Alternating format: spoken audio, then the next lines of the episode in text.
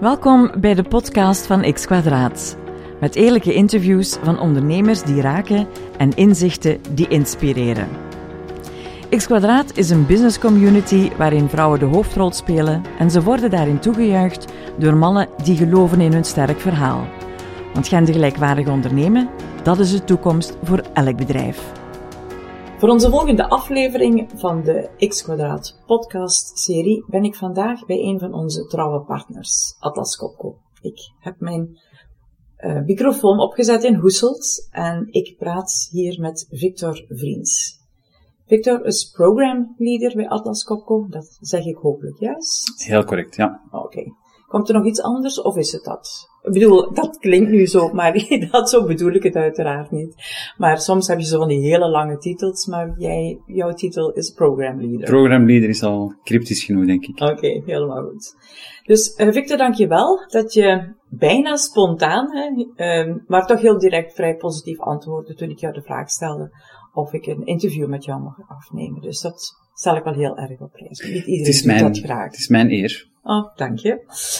Goed. Um, ik ken je ook nog niet zo heel goed, dus ik stel voor dat jij me een heel klein beetje vertelt wie dat je eigenlijk bent, wat dat je doet, van waar je komt, of je getrouwd bent misschien of niet, of er kindjes zijn, dat soort dingen. Dus, uh... Ja, oké. Okay. Um, mijn naam is Victor Vriend. Uh, ik ben 32 jaar. Ja. Ik ben opgegroeid uh, in Braschaat. Um, ik ben dan vijf jaar in Leuven gaan studeren, als in de ingenieurswetenschappen. Ja. En ben dan eigenlijk heel per ongeluk bij Atlas, Atlas Copco terechtgekomen. Mm -hmm. Ik was bij een uitzendbureau voor een job in een ander bedrijf, ja. die op dat moment ingevuld was. Dan hebben ze mij gezegd, ah, maar misschien is Atlas Copco ook iets voor u. Ben ik daar gaan solliciteren en was het eigenlijk direct in orde. En ik zeg per ongeluk, heel bewust, omdat dat eigenlijk een heel... Een geluk bij, allez, of een heel, een heel leuk geluk is daar dat ik heel hard de, de sfeer en de cultuur van Atlas Copco apprecieer Ja. maar ik daar nooit bewust naar op zoek ben gegaan. Ah, kijk. Het belang van die, van die cultuur en sfeer was mij, toen ik mijn eerste stapjes op de arbeidsmarkt zette, uh, totaal ontgaan. Mm -hmm. Ik wist niet dat dat van belang was. Ik wist niet dat dat iets was. Dat dat een issue was, überhaupt. Ja. ja. En in die zin is het eigenlijk heel goed meegevallen. Dat dat daar zo, uh, dat het een goede match is. Ja, Ja. absoluut. Ja. Um, ik ben uh, verloofd met Oh. mijn partner Hanne. Mhm. Uh, wij hebben twee kindjes ondertussen. Een jongen en een meisje. Uh, vier jaar en twee jaar. En uh, ik heb Hanne leren kennen op de volleybal. Um, ik heb lang, allee, wij hebben allebei lang op hoog niveau gespeeld. Ja. Maar daar sinds de kinderen wel een stapje terug ingezet. Ja. Werk, topsport en kinderen was een beetje Van het te goede. veel van het goede, ja, helaas. Ja. Allee, helaas. Ja, nee, ja, begrijp. Je Voor alles een tijd. Ja, voilà, voilà. Ja. Zonder, met een beetje heimwee, maar zonder spijt kijken we er allebei op terug. No regrets. Ja, absoluut. Oké. Dus dat is heel kort wie ik ben. Met die kindjes uh, in COVID, dat was ook wel een pittige periode, zeker. Absoluut, ja, echt. uitdaging. Ja, ja. Um, de moment dat de, dat de kleuterscholen en de, de crash toegingen Ja. en wij met twee verplicht van thuis werkten, was een hele, een hele pittige periode. Wij waren toen alle geluk net verhuisd. Dus we hadden iets meer, we zijn van een appartement naar een huis verhuisd. Ja. We hadden gelukkig iets meer plaats, maar onze twee kindjes, we zijn wel in een heel, eigenlijk is het grootste medelijden, allez, voor hun. Zij zijn in een situatie terechtgekomen Mhm. dat hun mama en papa in de buurt zijn, maar dat ze die eigenlijk niet ten volle mochten ja. benutten of ja. Ja. mee bezig Ja. zijn. En, en dat was wel uh, moeilijk. Dus daar hebben wij allebei, dan zaten Han en ik naast elkaar aan de keuken, allee, van de tafel in de living, Ja. met soms de wieper tussen ons in voor de dochter. En dan, ja, was het uh, roeien met de riemen. En s'avonds uitgeput en een beetje teleurgesteld. En of, of tekortgeschoten als ouder, tekortgeschoten als werknemer. En tekortgeschoten als partner. Dat was niet zo, Ja. dat was niet zo fijn. Weet je wat dat is? Als, dat, als je dat overleeft, dan kun je de rest van het leven ook aan, zeg ik dan. Hè? Wij, wij kwamen net uit een periode van een verbouwing, waarvan dat we zeiden van als we dit nu overleefd hebben, dan, dan zit het goed. En dan zijn we in die COVID terechtgekomen en dan was dat, als nu dat we dit overleefd hebben, dan gaan we binnenkort maar trouwen. Ja. Als we die twee na elkaar konden overleven, dan is het helemaal, Ja. eh, Helemaal goed. Ja, nu nog een IKEA-kast in elkaar steken. en het is future-proof. Goed. Um, kun je eventjes vertellen wat jouw job inhoudt bij, uh, bij, bij, bij Atlas Copco? Ja, um, ik werk op de engineering afdeling, uh, in de productontwikkeling. En daar probeer ik um, op een globale schaal een aantal gecoördineerde projecten uh, goed te laten samenwerken. Ja. Uh, we zitten in een, Atlas Copco is een multinational. Uh -huh. Wij ontwikkelen producten in meerdere locaties. En ik probeer daar een stukje een coördinatie in te krijgen die het beste uit die verschillende lokale entiteiten naar boven kan brengen. -huh. Om zo als groep samen meer te leveren dan dat alle entiteiten apart hadden kunnen doen. Dat is best wel een uitdaging, denk ik dan. Want je komt met heel veel verschillende culturen dan ook in contact. Want niet elk land heeft de Belgische cultuur, of de Zweedse cultuur, of whatsoever. Dat is ook ineens waarom dat ik mijn, mijn job zo graag doe. Is het uh, waar? Ja. ja. Die uitdaging in die verschillende projectteams, allemaal met hun sterktes en hun zwaktes en hun eigen cultuur, is absoluut wat ik uh, leuk, maar ook uitdagend vind in mijn job. Dus je bent een beetje een bruggenbouwer permanent. ja. ja. ja. Heeft ook met engineering te maken, maar dan ook een menselijke bruggenbouwer. Ja, ja, absoluut. Dat is Ja. een goede Oké. analogie. Je hebt ons, um, je, ik heb jou leren kennen op het congres van X Kwadraat. Um, en je hebt ons daar verteld dat je met een nieuw project in de startblokken staat.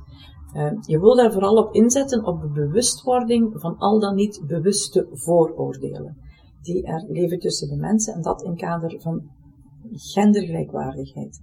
Wat is dat precies? Wat houdt dat nu precies in, die uitdaging waar je nu opgenomen hebt? Ja, um, we zijn uh, sinds een jaar in een nieuwe structuur gestart rond Ja. uh, gendergelijkwaardigheid. Uh, ons ambassadeursnetwerk. En dat wil zeggen dat elke entiteit van Atlas Copco naast een HR en een managementverantwoordelijkheid om aan diversiteit en inclusie te werken, ook ambassadeurs vanuit de organisatie zelf daar een rol in opnemen. Bedoel je dan naar intern, naar de medewerkers, Ja. of naar ook de, de leveranciers? Of de toeleveranciers? Of, of, of wil je het eerst gaan focussen op de Onze medewerkers? focus is van, is, er liggen geen beperkingen. Uh, er is overal nuttig Ja. werk te leveren. Ja, Uh, maar onze focus vandaag ligt uh, intern om in onze entiteiten toch beter naar diversiteit en inclusie. En eigenlijk specifiek richting gender in eerste Ja. instantie. Omdat we daar toch merken dat de grootste gap aanwezig is. juist. En wil je dat doen, eh, in, hoe zou ik het zeggen, ga je alle niveaus bij elkaar zetten? Of ga je per niveau gaan werken? Hoe, gaan we, hoe, hoe zien, of is de aanpak nog zo pril dat je nog niet goed weet wat je precies daarin gaat doen? Pril, in alle eerlijkheid. Ja, oké, maar er dat is, kan, hè? Er is veel data ter beschikking natuurlijk in, Ja. uh, in een bedrijf. Maar we zijn dan nog uh, onze weg aan het zoeken en we zijn al met een aantal specifieke initiatieven gestart. Ja. En nu lijkt het voor ons dan uh, de moment om rond bias te gaan werken. Mhm. Maar zowel naar, naar, naar leadership als naar de gewone medewerkers uh, is er zeker, zeker nuttig werk te Ja. leveren. Uh, En die mensen die je daarin gaat, als ik het woord opleiden mag gebruiken, die hoop je dan dat zij de, effectief de mission, het missionariswerk zullen uitzetten in kader van gendergelijkwaardigheid binnen de, binnen de bedrijfsstructuur. Mag ik dat het zo is een beetje zien? zeker een deel van de, ja, Van de opdracht. van de opdracht, absoluut. Dat vind ik echt wel een schitterend initiatief. Ik ook. Ja. En ik heb mij daar ook vanaf het begin volmondig voor opgegeven als uh, stukje vrijwilliger Ja. uh, om daaraan te werken. Omdat ik, ik geloof wel in die aanpak. Om, om leadership samen met ambassadeurs vanuit de afdelingen en dan HR samen te gaan werken om die, die cultuur uh, van, van diversiteit en inclusie te versterken. En ik geloof ook echt dat wanneer jullie het zo gaan doen, dat dat gaat lukken. Dat geloof ik echt. Ja. Schitterend initiatief, dus. Ja. To be continued. Dus binnen een paar maanden zit ik hier weer en dan uh, kunnen we ons Hebben kijken eh, naar hoe dat we evolu evolueerd zijn. Hè. Nu, um, we hebben het tijdens het congres ook gehad over verbaal en fysiek geweld. En dat komt steeds meer naar boven. Dat was gisteren ook weer in de zevende dag. Nu, ben jij zelf ooit ermee geconfronteerd met verbaal en of fysiek geweld als man? Verbaal wel, uh, fysiek niet. Nee, maar verbaal wel. Ja. Ja. Wat heb je daarmee gedaan? Na een initiële reactie van shock natuurlijk, um, ja. Ben ik daar uiteindelijk uh, eerst met een paar goede collega's uh, in gesprek kunnen gaan en achteraf met mijn leidinggevende. Ja. Uh, vanuit een hele goede vertrouwensrelatie. Mm -hmm. Ik denk dat dat wel cruciaal is. De enigste reden dat ik dat heb kunnen doen, was omdat ik wel een heel alleen, een groot vertrouwen in mijn leidinggevende heb. Ja. En dan ben ik bij hem terecht kunnen gaan. Uh, en dan is daar in onderling overleg zijn daar wel de juiste acties uitgekomen. Mm -hmm. Dus dat was uiteindelijk een heel negatieve ervaring, maar die wel positief um, afgehandeld is. Ja. Eigenlijk door het negatieve is er ook iets positiefs uit voortgevloeid. Want denk je niet dat het voor mannen moeilijker is om met dit soort issues te gaan, dat er een soort van schroom bestaat? Van, want met alle respect, je bent groot, je zei je zelf ook al, je speelt volleybal, dat houdt ook een bepaalde lengte in, dus je bent vrij groot. Uh, je zou dan denken van, ja, dat soort dingen, uh, alleen gebeurt mij niet. Het is nu niet fysiek geweest, maar verbaal ben je ook wel alleen iemand. Merk jij dat, daarvoor, was dat voor jou, merk jij dat er voor mannen een schroom is om dan daarmee naar buiten te komen? Ik wil het niet moeilijker noemen, maar ik herken wel dat er ergens een soort schroom is van de stereotype macho man ja. heeft daar geen last van, van verbaal geweld. En, en kan daar dus hè, automatisch mee omgaan. En dat moeten we maar kunnen, hè, Mhm. kunnen plaatsen. Uh, maar zo zit ik niet in elkaar.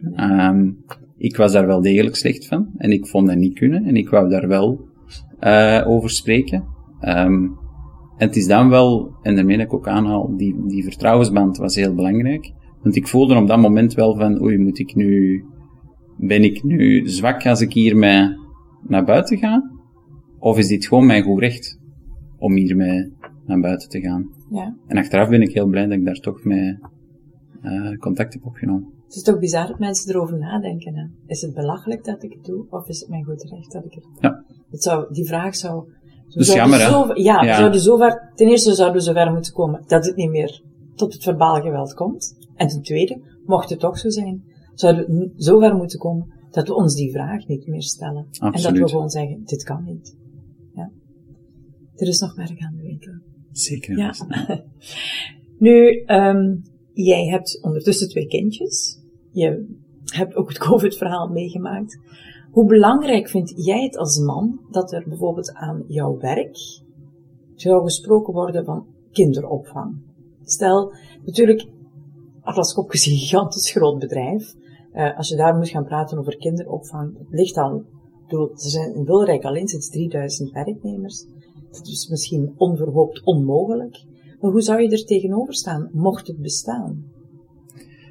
Ik zou daar grote voorstander van zijn. Um, met twee werkende mensen thuis en twee kindjes uh, is het zeker altijd niet, niet evident om die puzzel gelegd te krijgen.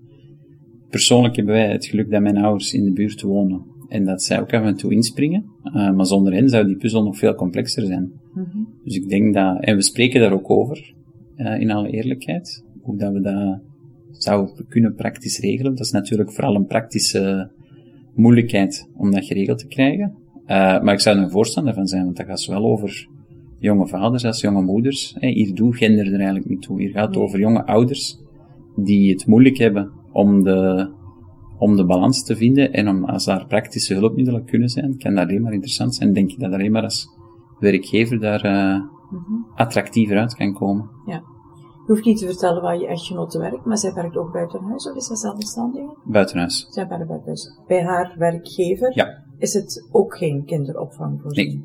Nee. Misschien een businessmodel waar we dan nog aan moeten werken of zo. Ik denk dat daar zeker vraag naar zou zijn. Ja. ja. En werkgelegenheid zou scheppen. Sowieso. Ja. Als jij het woord, want je weet dat wij het woord gendergelijkwaardig gebruiken in plaats van gendergelijkheid, daar staan we nogal op. Wanneer jij dat woord hoort, wat betekent dat, dat voor jou persoonlijk? Iets dat voor mij het meeste spreekt, is het afbouwen van het, ge- uiteindelijk heel, klinkt contradictorisch, maar het afbouwen van het gebruik van het woord gender. Er zijn zoveel plaatsen waar we over gender spreken en het totaal niet ter zake doen. Heel simpel, en dat start al zo jong. Als Lego nu stopt met genderbranding van hun speelgoed, is dat toch een super initiatief. Waarom zou een space shuttle voor jongens zijn en een, en een kasteel met prinsessen en ridders voor meisjes? Dat is zoveel interessanter als daar het gewoon het genderaspect volledig wordt vergeten. En dat, dat, spreekt voor mij het meeste in termen van gendergelijkwaardigheid dan. Dat dat eigenlijk uw gender er niet meer toe doet. Je hebt je sterktes en je zwaktes en je interesses en, uw, en zaken die je minder interessant vindt en kiest in functie daarvan. En uw gender is totaal irrelevant. Dan ligt er voor de scholen ook nog wel een hele uitdaging. Samen met de rest van de maatschappij denk ik dat we daar allemaal uh, een stukje van de stereotypes moeten overboord gooien. Ja, ja, dat klopt. Maar daar zijn we helaas nog niet. Um, ervaar jij door het feit dat je, ervaar jij een, een soort van, van discriminatie? Weet je, er wordt nu zoveel over gedaan, over het, over het hele genderverhaal. Wij zijn er ook mee bezig. Ervaar jij als man dat je het gevoel hebt dat er een soort van discriminatie gaat bestaan ten opzichte van mannen? Door het feit dat we zo bezig zijn met die vrouwen naar voren te duwen? Wat natuurlijk een inhaalbeweging nodig is. Maar ik kan me toch ook voorstellen dat je het gevoel af en toe hebt van, maar ondertussen zijn, is men bijna ons aan het discrimineren. Heb je dat gevoel soms? Overvalt je dat soms? Persoonlijk heb ik dat nog niet meegemaakt of gezien in Atlas Copco, in mijn professionele uh, ervaring. Maar ik vind in alle eerlijkheid wel een heel moeilijke discussie. Mm um, we weten dat diverse teams beter scoren. Als we vandaag de dag een ondervertegenwoordiging van vrouwen hebben, is het een objectief voordeel als je daar vrouwen binnenbrengt. Als je een ondervertegenwoordiging hebt van andere nationaliteit, is een objectief voorbeeld om daar extra nationaliteiten in te brengen. En als we spreken over um, bepaalde karaktereigenschappen, een heel, een heel hard team, als daar nog iemand heel hard aan toegevoegd wordt, is dat misschien niet goed voor het team. Dan vinden we dat heel normaal, allemaal, als er gesproken wordt van, ja, de fit in het team is niet ideaal en we moeten een gebalanceerd team bouwen. Als we dan over gender spreken, is dat ineens een heel hot topic, waar het dan die diversiteit en die positieve discriminatie ineens een, ineens een, een struikelblok en een probleem wordt. En dat vind ik gek. Persoonlijk zou ik het ook natuurlijk niet evident, in, uh, niet evident mee hebben, moest ik voor een, uh, bepaalde applicatie uh, worden geweigerd omwille van mijn geslacht. Omdat er quota zijn bijvoorbeeld, maar als het gaat over een sterk team uitbouwen en iemand anders past daar beter in dat verhaal en zal uiteindelijk een sterker geheel vormen in het team dan mij, dan is dat op zich standaard en is dat geen probleem voor niemand vandaag de dag. Hoewel jammer natuurlijk. Hè. Dus dat is weer een beetje, ook dat zou moeten, het genderaspect zou daar een beetje uit moeten, uit die recruiting. Ja. We zouden echt, pardon, we zouden echt naar het menswaardige moeten kunnen gaan. Hè? Hm? Ja, de mens zien. ja, absoluut. Met zijn karakterstrekken, met zijn kwaliteiten. En dan puur kijken naar hoe bouwen we het sterkste team. En dat kan zijn door te focussen op bepaalde karaktereigenschappen, op bepaalde genders, bepaalde nationaliteiten. Om daar een meer divers team te gaan bouwen. Dat kan zoveel interessanter zijn. Ja. Nu, binnen Atlas Copco, wat merk wat dat jij doet, het bruggen bouwen, want je werkt dan ook met andere landen samen, merk je dat er nog een groot verschil is tussen de verschillende landen zelf? Ja. Ja. Ja. Er zijn, uh, er zijn grote verschillen. Uh, sommige landen, en, en dat is heel gek, Atlas Copco in China heeft heel veel vrouwen, mhm. zelfs op de engineeringafdeling, waar dat wij in Antwerpen het moeilijk hebben om vrouwen te vinden. Um, en dat komt uiteindelijk vanuit de, vanuit de cultuur daar, uh, die dat vrouwen heel hard aanspreekt in, in competitie met uh, met heel Amerikaanse of heel lokaal Chinese bedrijven, waar veel harder, veel minder focus op flexibiliteit, veel minder focus op work-life balance. En dan wordt Atlas Copco een heel attractieve uh, speler op de arbeidsmarkt voor vrouwen aan te trekken. Dus dat is een heel positief verhaal. We zien ook natuurlijk andere negatieve verhalen waar het toch nog meer patriarchische cultuur is en dat soort zaken. En dat is niet evident. Ehm, dus iedereen heeft daar wel zijn eigen uitdagingen om, om aan te gaan. En daarom geloof ik ook in een structuur van lokale ambassadors die de lokale feeling hebben met waar zit het goed, waar zit het niet goed. En om daar dan in, op, in, in te spelen. En dat iedereen daar lokaal met een actieplan kan komen om zijn eigen zwaktes, uh, zijn eigen zwaktes gaan, gaan te, te verbeteren en in te zetten op de eigen sterktes. Dus je wil echt met dat project waar je mee bezig bent, wil je echt internationaal gaan. Dat is jouw, dat is de opzet van het hele gebeuren. We werken niet, het, het initiatief komt uh, vanuit groepsniveau, dus iedereen werkt daaraan. Um, en het is interessant waar dat we structuren hebben, dat we dan ook van elkaar kunnen, kunnen leren. En Ja. daar leuke initiatieven oppikken van elkaar. Ja, Ja, inderdaad. Inderdaad, want dan doe je een kruisbestuiving. Hm. Dat snap ik helemaal. Waar ligt voor jou zelf nog een hele professionele uitdaging? Waar, waar ligt jouw uitdaging nu nog? Je bent jong. Heb je zoiets zo van, daar zou ik graag naar, dat is, dat is op dit moment, want dat verandert door het leven, omdat je andere invloeden krijgt natuurlijk. Maar wat is op dit moment? Waar, waar zit jouw uitdaging op dit ogenblik? Vandaag de dag zou het voor mij persoonlijk, voor mijn carrière, heel interessant zijn om een opportuniteit om te gaan zoeken, ehm, een, ander, allee, een nieuwe opportuniteit, en daarmee mijn, mijn rijkwijde of, of mijn, mijn zoektocht ook buiten, buiten België te gaan doen. Ehm, nu, als we gaan kijken buiten België en al onze andere entiteiten daarbij, dan zijn er gewoon meer, meer uitdagingen, meer mogelijkheden, meer opportuniteiten die bovenkomen. Maar dat ligt helaas moeilijk. Ehm, ik heb daar met mijn, met mijn partner Hanne over gehad. Ehm, en we staan daar niet met twee achter. Ehm, wat het dus onmogelijk maakt. Dat zijn natuurlijk van die life-altering choices. Die je best met twee maakt. En best ook met twee dan volledig achter staat. Ja.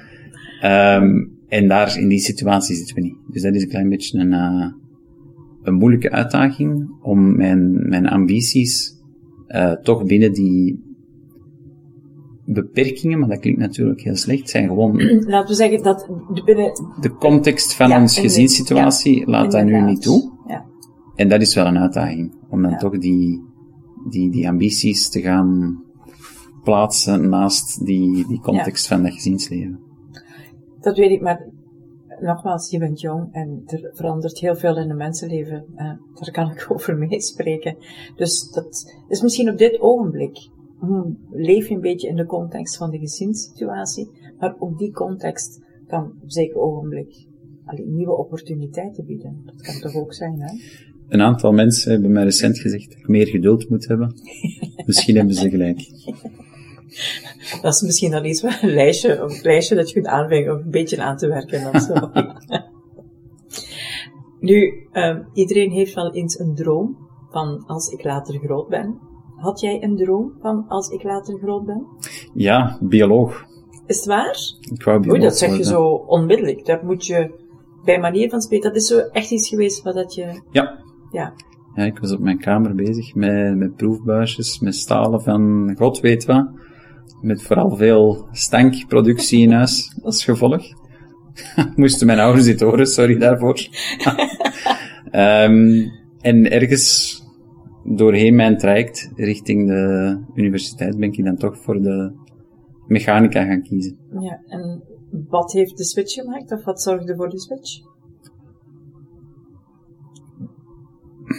Dat is een, ja, Is het gegroeid? een hele moeilijke vraag. Het is gegroeid. Het is geen, er is geen Het is niet van punt zo... geweest nee, dat nee. ik die keuze heb gemaakt.